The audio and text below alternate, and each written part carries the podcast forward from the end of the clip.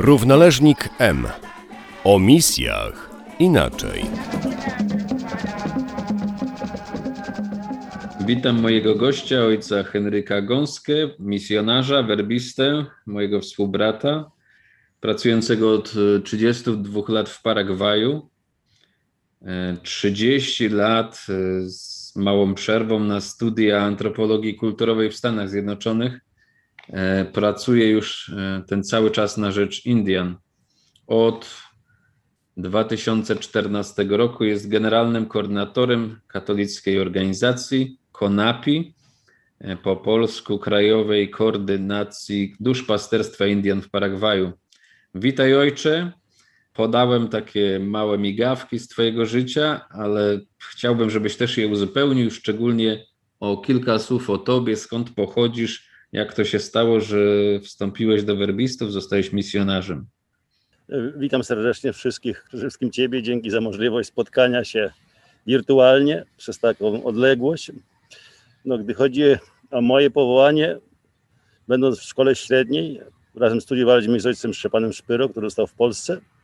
Myśleliśmy o jakimś zakonie, nawet nie znaleźliśmy werbistów, ale w sąsiedniej miejscowości były święcenia kapłańskie ojca Zająca, więc nas, wikary nas zabrał na te święcenia no i właśnie ojciec Stankowski mówił kazanie misyjne i ja myślę, że w tym momencie się zaczęło moje powołanie misyjne werbistowskie.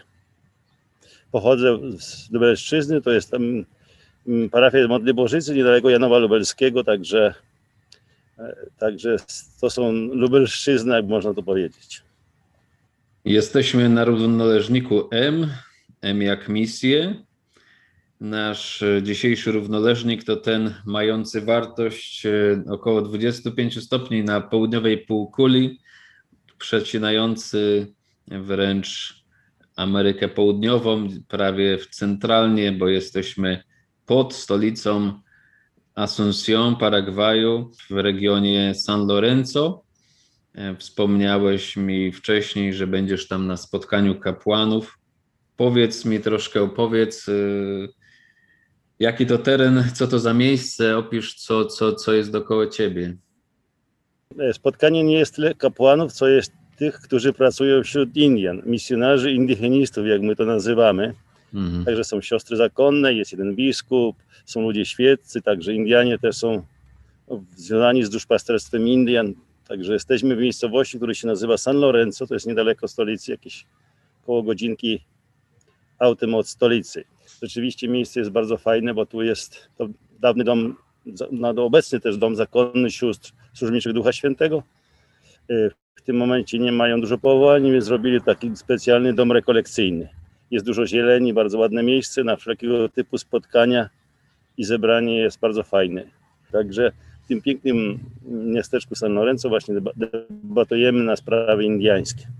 Jakbyś zdradził, skąd właśnie ten temat się u ciebie wziął, Indianie, czy, czy to tak jak świętej pamięci ojciec Konrad zdradziłeś mi kiedyś, że tak ci wręcz wyrzucał, że może naczytałeś się książek Karola Maja i innych powieści i, i teraz chcesz być takim bohaterem, wyjechać gdzieś tam na koniec świata do tych Indian.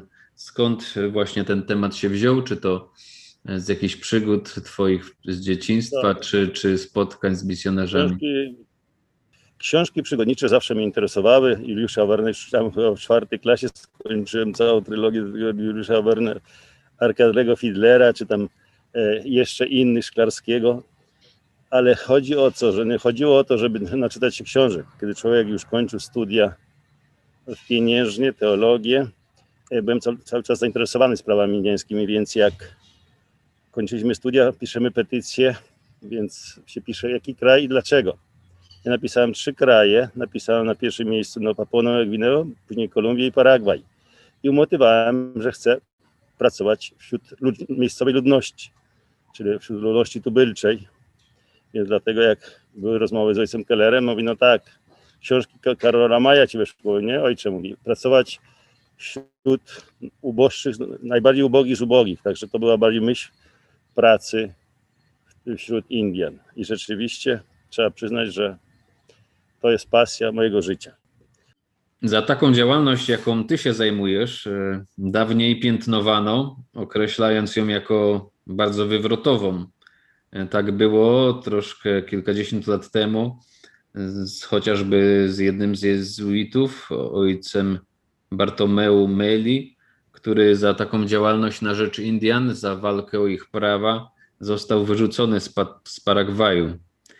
Ty dzisiaj w sposób oficjalny pracujesz w ramach takiego wielkiego organizmu Kościoła katolickiego, już wspomniałem, CONAPI, nazwa tej organizacji od skrótu z hiszpańskiego. Masz kontakt z najwyższymi przedstawicielami władzy państwowej, spotykasz się i ustalasz budżet czasami nawet z ministrami czy ważnymi osobistościami w kraju.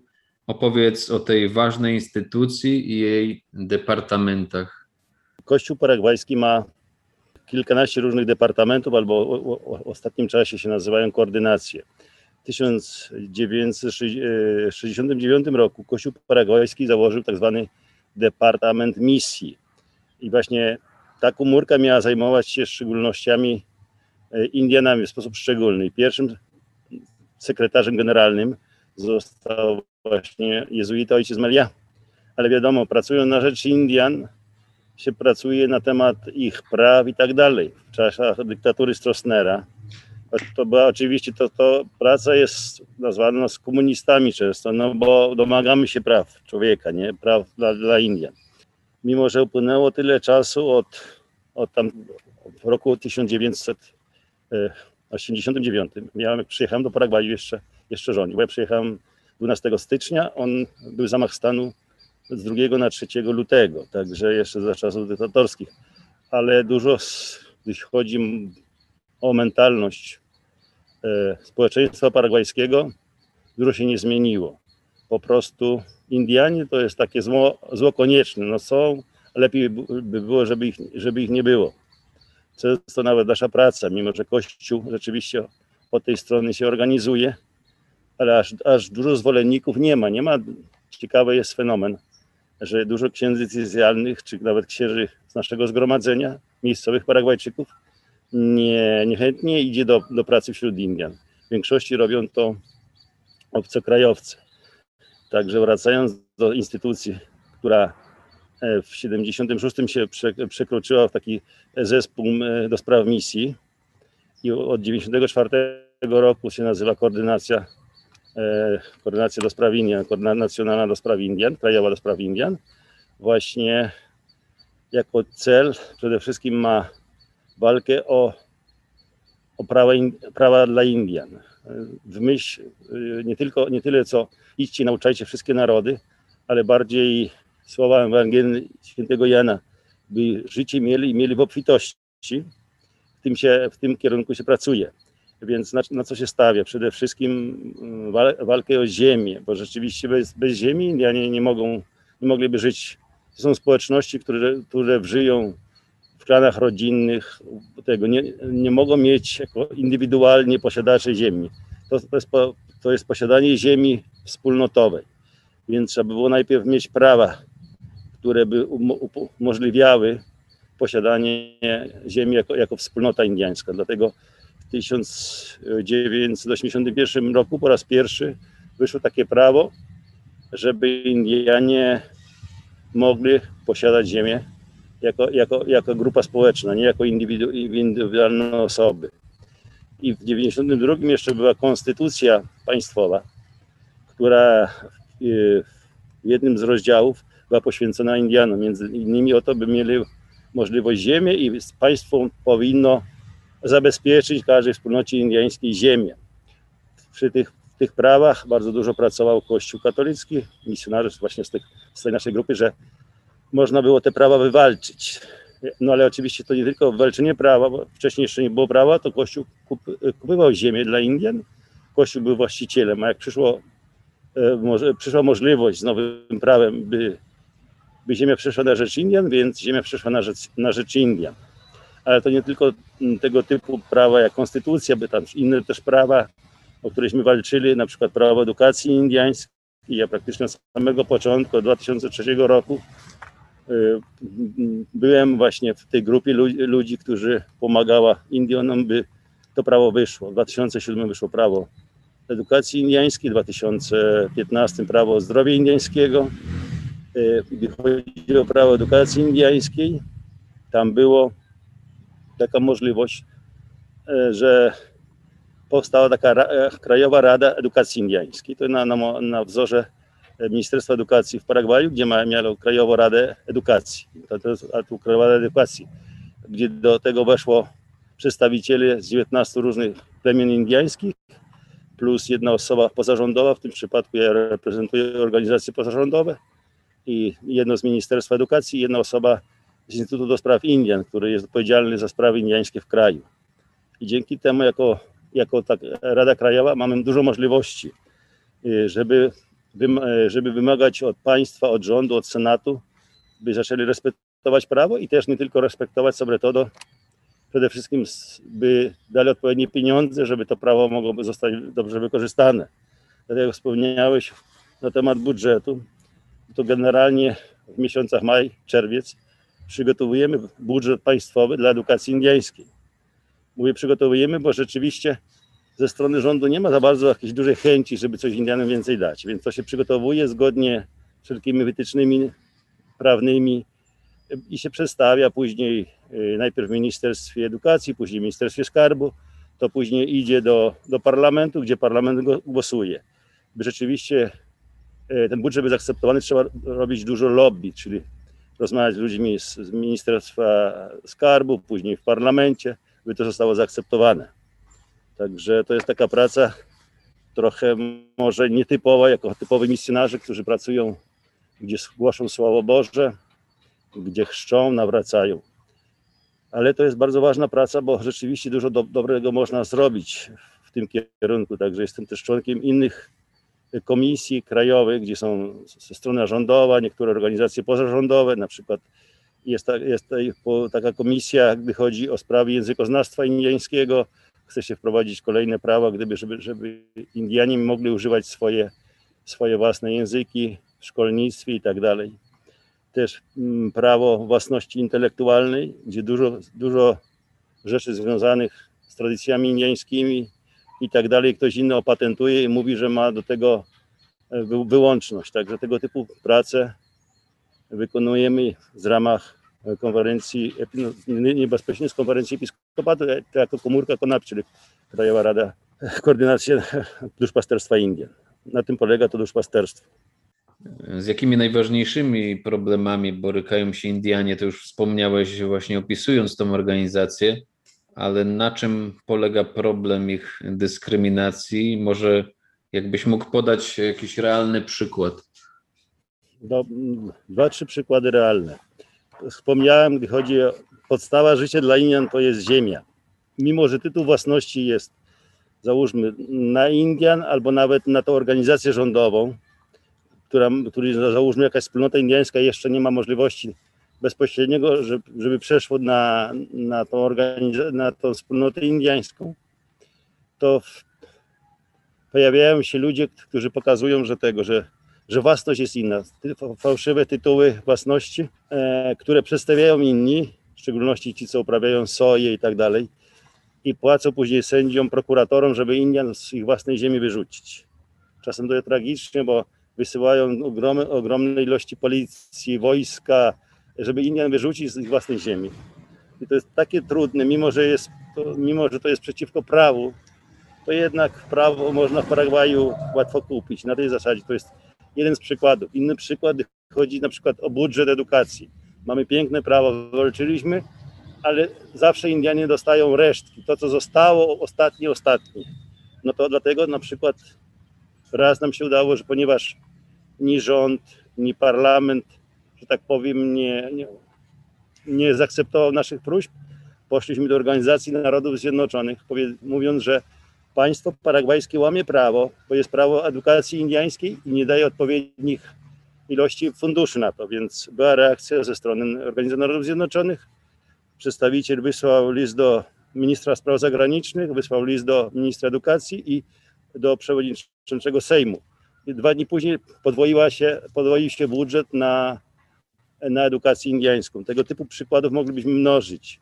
W życiu codziennym to Paragwajczycy widzą Indian jako, jako ludzi, którzy nie chcą pracować, brudni i tak dalej, ale rzeczywiście nie widzą, ile Indian się kształci, ile Indian jest przygotowanych. Właśnie to jedno z naszych zadań jest przygotować Indian, różne kursy, różne specjalizacje. I tej strony jakieś trudno zobaczyć ludziom normalnym z Paragwaju, że Indianie też są normalnymi obywatelami tego kraju i też są, mają równe takie same prawa jak każdykolwiek Paragwajczyk, który jest tutaj na tej ziemi w Paragwaju. E, chciałem gdzieś zapytać o Twoje hobby.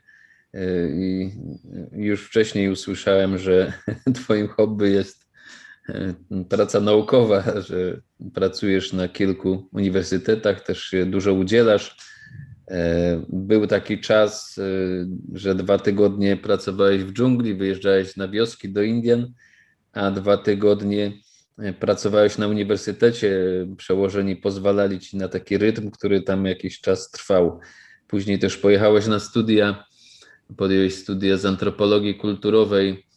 E, chciałem zapytać właśnie, co dał ci ten czas, co daje ci praca naukowa, czy pozwalała ci, czy pozwoliło ci to wniknąć głębiej w te problemy, które dotykają Indian, czy zrozumiałeś coś lepiej? E, co się udało dzięki temu osiągnąć? Po skończeniu doktoratu w Stanach właśnie wróciłem do Paragwaju, by kontynuować pracę też wśród Indian, ale mając doktorat w Paragwaju z antropologii, ponieważ nie ma dużo specjalistów, też uniwersytety mnie prosiły, bym uczył, więc uczyłem antropologii na Uniwersytecie Katolickim w Asuncjonie. To był program magisterski na Uniwersytecie e, Państwowym w Itapule, Encarnacion, to jest na, na, na, na południu przy granicy z Argentyną, program doktorski i też na innym uniwersytecie, to Pilar, który jest inny uniwersytet, który kształcił e, sędziów, prokuratorów e, i innych związanych z, z prawem, gdy chodzi o te sprawy kulturowe. Także miałem taki przedmiot, to się nazywał dywersytet kulturowa i, i prawo indiańskie. Bardzo ciekawa tematyka tak, także często jak się przedstawia, mówi, ja, jestem, ja pracuję w, w Konapi, czy, czy w tym Krajowej Radzie, Krajowym e, Duszpasterstwie Indian, a jako hobby uczę na uniwersytetach. Pewnie, że idealnie by było robić więcej badań terenowych i tak dalej, no ale niestety pracując wśród Indian, to mi nie pozwala, ale z miłą chęcią też daję te wykłady i rzeczywiście muszę przyznać, że jak są później, bo to w Paragwaju po każdych serii wykładów studenci oceniają profesora i to jak człowiek zobaczy tę ewaluację, bo to są niezależne od tego, to, to dla uniwersytety pokazują, to załóżmy, jeżeli jest skala od 1 do 4, to jest 3,97, prawie 4. Jeżeli skala do 5, to jest, to jest 4,95 mniej więcej, także z miłą chęcią też uniwersytety mnie zatrudniają, bo co się nauczyłem w Stanach, żeby studia, przede wszystkim studenci pracowali, nie tylko po prostu zapamiętywali, żeby rzeczywiście dużo badań robili w terenie. Ja nie, nie robię egzaminów końcowych, przeciwnie, muszę robić tak zwane papers, czyli, e, czyli prace końcowe. I to się niesamowicie ludziom to bardzo podoba. Także mówię, hobby, który w jakiś sposób też jest częścią pracy wśród Indian, bo na przykład mam wykłady, gdy chodzi o edukację, nawet zapraszam na moje wykłady Indian, żeby mm, dali na przykład, gdy chodzi o edukację indiańską, na przykład na programie doktorskim, gdzie ludzie studiują na przykład edukację generalną tego typu rzeczy rzeczywiście są bardzo ciekawe i bardzo praktyczne. I sami Indianie są też zadowoleni i są też przygotowani. I społeczność paragwajska powoli zaczyna rozumieć ważność Indian y, w ich systemie. Przeskoczmy trochę w inny teren albo rzeczywiście do takiej szerszej rzeczywistości. W ubiegłym roku w Rzymie odbył się szumnie zwany Synod dla Amazonii. Wiemy, że to też były sprawy dotyczące Indian. E, dużo się mówi wokół tego też o ekologii, też o spojrzeniu Ojca Świętego Franciszka na sprawy społeczne. Jakbyś mógł ze swojej strony, z waszej strony, Paragwaju, też e, kogoś, kto tyle tak blisko jest Indian, jakbyś mógł wytłumaczyć, e, na czym polega, co, co, co znaczy ten synod dla ludności tubylczej obu Ameryk, później dla Kościoła i dla całego świata oraz w jaki sposób wyście się przygotowywali do tego? Dobra, zaczniemy może od przygotowania. Ponieważ mieliśmy 50 lat pracy wśród Indian i to było właśnie przed samym synodem, więc na, na, na to spotkanie poza biskupami innymi zaprosiłem specjalistów, którzy mieli jechać na synod.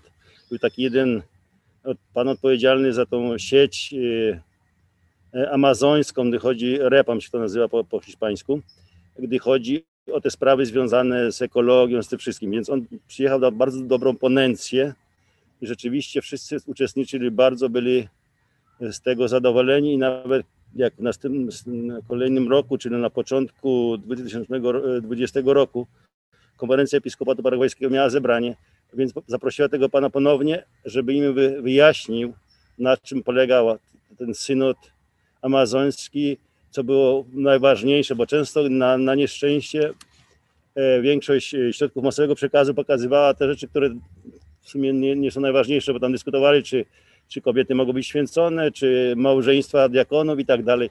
Natomiast najważniejszą sprawą synodu to przede wszystkim ekologia, obrona tych rzeczywiście spraw związanych z naturą, bo niestety zniszczymy strasznie środowisko. Coraz gorzej sytuacja wynika, coraz bardziej jesteśmy praktycznie e, ogrzewanie ziemi, niszczenie całej, całej przyrody. To Indian daje strasznie popalić, bo załóżmy, mają ładne lasy, wytną lasy, bo, e, bo ktoś tam chce, później zaczynają uprawiać pola soi i to rzeczywiście ma katastroficzne skutki dla, dla, dla, dla, społeczności indiańskiej, nie tylko dla indiańskiej dla nas wszystkich.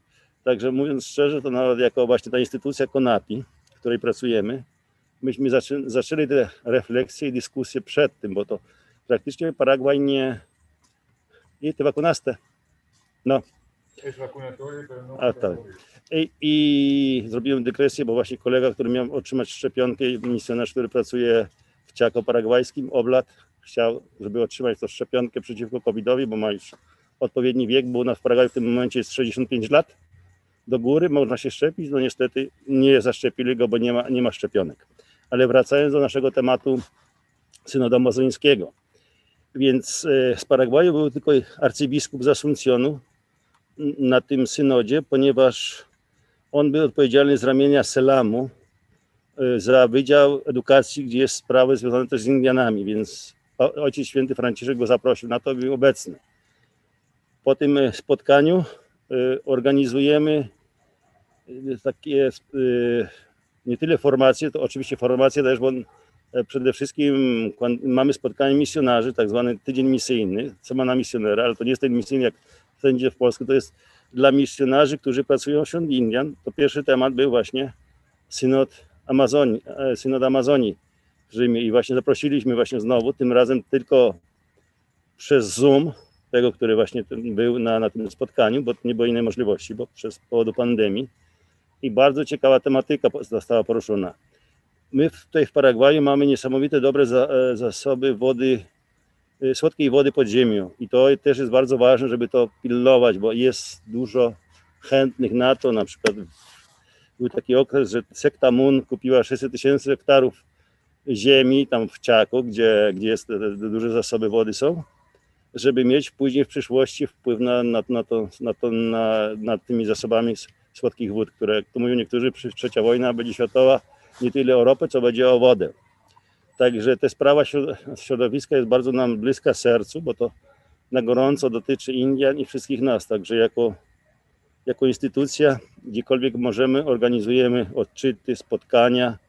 Nawet dzisiaj właśnie dyskutowali, zawsze mamy przed normalnym zebraniem taką godzinną, dwugodzinną refleksję na, na, na, na jakieś tematy. No i temat był na przykład wizja kosmiczna, jak my się ustosunkujemy, jakie mamy relacje z kosmosem, bo tak nam się wydaje, że to możemy tak dalej, tak dalej wykorzystywać naszą matkę Ziemię, jak to mówią, a naprawdę tak to coraz, coraz gorsza jest sytuacja, bo każdy myśli egoistycznie o, o sobie. Dlatego ten synod amazoński, to co wprowadził dla wielu, jest, żeby myśleć wspólnotowo, tam mówi to, ta, ta słynna kasa komun, czyli ten wspólny dom, żebyśmy dbali o to naszą ziemię jako wspólny dom, to dla wszystkich, nie dlatego, że ktoś jest bogatszy, ktoś jest biedniejszy.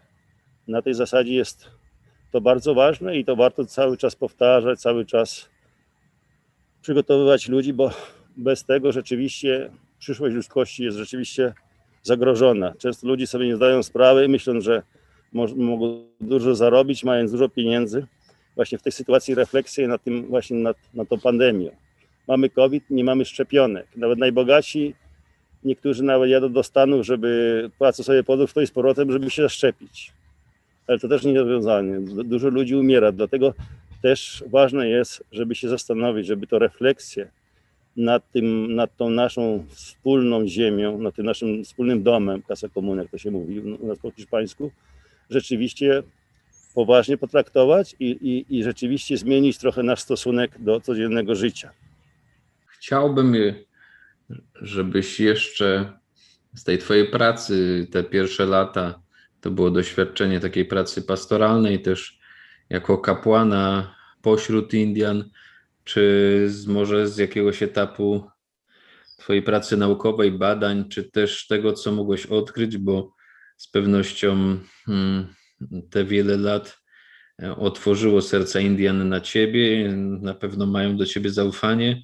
E, jesteś dla nich e, osobą godną zaufania. Czy mógłbyś podać jakiś przykład też tego kontaktu Ciebie jako Europejczyka, misjonarza, w kontakcie z tą ich kulturą bardzo konkretnego, jednego wybranego przez Ciebie ludu? Coś, co czy Cię zaskoczyło, zafascynowało, zainspirowało w kontakcie właśnie ze spotkaniem z tą kulturą? Gdy chodzi o ludy indyjskie w Paragwaju, no, mam praktyczne doświadczenie, żyłem wśród dwóch, wśród Awa Guarani i wśród Aciem. Wśród Awa Guarani żyłem dużo więcej czasu, bo właśnie moje pierwsze przeznaczenie, najpierw pracowałem dwa lata na parafii miejskiej i wiejskiej, byśmy mieli bez proboszczem, proboszcz Niemiec, dwie parafie, jedna miejska 15-tysięczna i druga 4-5 tysięczna wiejska. I po dwóch latach, żem poszedł do pracy wśród Indian.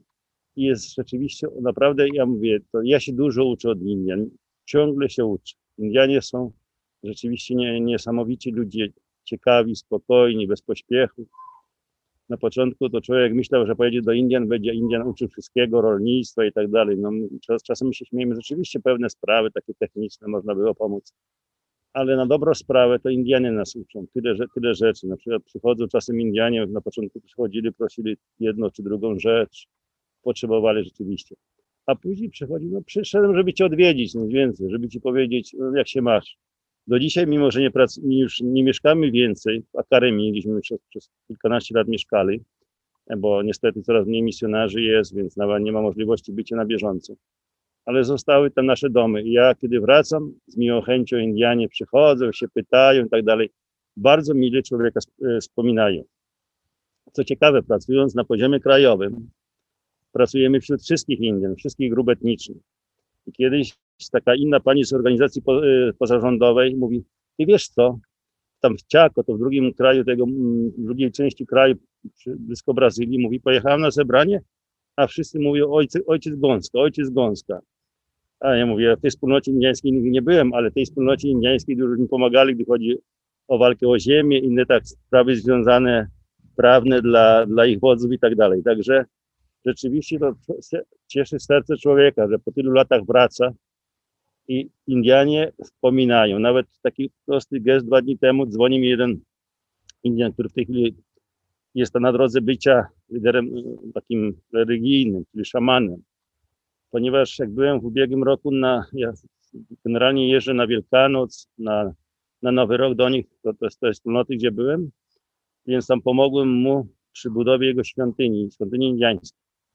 I dzwoni, tak, dzwoni, no jak się miewasz, ja to się modlę cały czas za ciebie, bo teraz w tym ciężkim okresie pandemii tego, wszyscy jesteśmy źle, więc musimy się modlić jeden za drugiego. Jakież piękne świadectwo, które dają Indianie. I to myślę, że jest najważniejsze tam żadne kariery naukowe, wielkie osiągnięcia, doktoraty i tak dalej. To, to, to są nic w porównaniu z tymi prostymi gestami, którzy Indianie człowieka cenią i tak dalej. Także jak często mówię nawet, jak mam wykłady dla ludzi, mówi te materiały, które ja mam, nie mam problemu, używajcie, nie ma problemu. To nie jest, to nie jest dla mnie, to jest dla nas wszystkich. Jeszcze jest dla dobra Indian, jest tym bardziej. I to właśnie tak jeszcze na marginesie wrócę do tych moich relacji, jeśli chodzi o sprawy związane z państwem. często mam takie szczęście, jeden czy drugi minister w jakimś tam ministerstwie jest blisko, blisko osobą, mnie pytał o różne rzeczy i dzięki tym później układom można dużo spraw załatwić, bo te, jeden telefon wykonany do takiego ministra, który, też, który później zadzwoni do drugiego ministra i można dużo dobrych rzeczy uczynić dla Indian.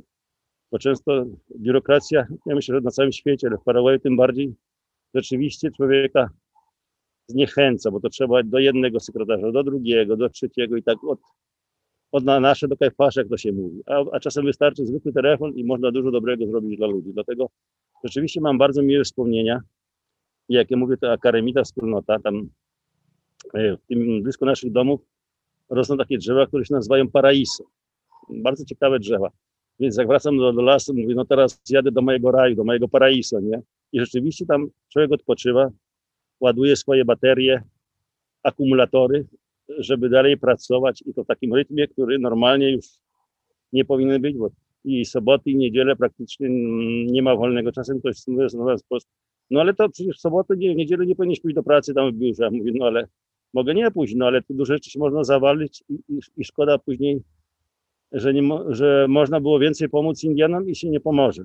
Tego typu rzeczy, więc ja mówię, to są takie sprawy, którymi można było godzinami mówić, ale dla dobra wywiadu niestety musimy kończyć.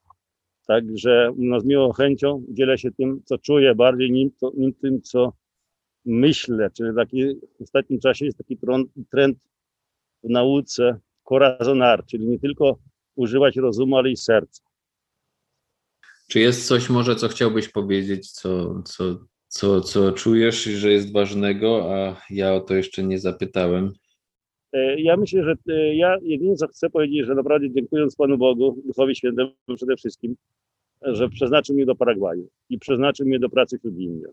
Jest dużo problemów, do dzisiaj też często są inni, którzy nie podoba im się, że jako organizacja kościelna tak, tak dobrze pracujemy i wszyscy Indianie do nas przychodzą. Jak często mówię, my, my nie mamy naszych własnych Indian. Wszyscy Indianie są na równo traktowani i tym bardziej na, nasz sposób pracy jest, że to na pierwszym miejscu są Indianie, a na, a na ostatnim miejscu misjonarze. Może to tak generację starszych misjonarzy trochę kosztowało, bo to zawsze misjonarz chciał być na pierwszym miejscu. Natomiast my nie. Więc i rzeczywiście jest niesamowity od jednej strony Indian, więc, więc ja myślę, że to jest wystarczająco dla mnie, nie ma się czym chwalić. Po prostu, jak to mówię, jesteśmy słudzy nie, nieuży, nieużyteczni. Pan Bóg wie, gdzie nas posyła, więc robimy to, co, co możemy i póki zdolności pozwalają, więc trzeba dalej służyć Panu Bogu dla Indian. I to jest mniej więcej moja myśl. Taka końcowa, przywołanie tam specjalnych rzeczy, nie, nie ma konieczności nawet się chwalić po co. Trzeba to robotę robić. Jak powiedziałem, jesteśmy słudzy, słudzy nieużyteczni. Szef nas wysłał na, na to pole i pracujemy jak najlepiej. Na dzięki Heńku za te szczere słowa i też e, podzielenie się tym Twoim światem e, z Ameryki Południowej.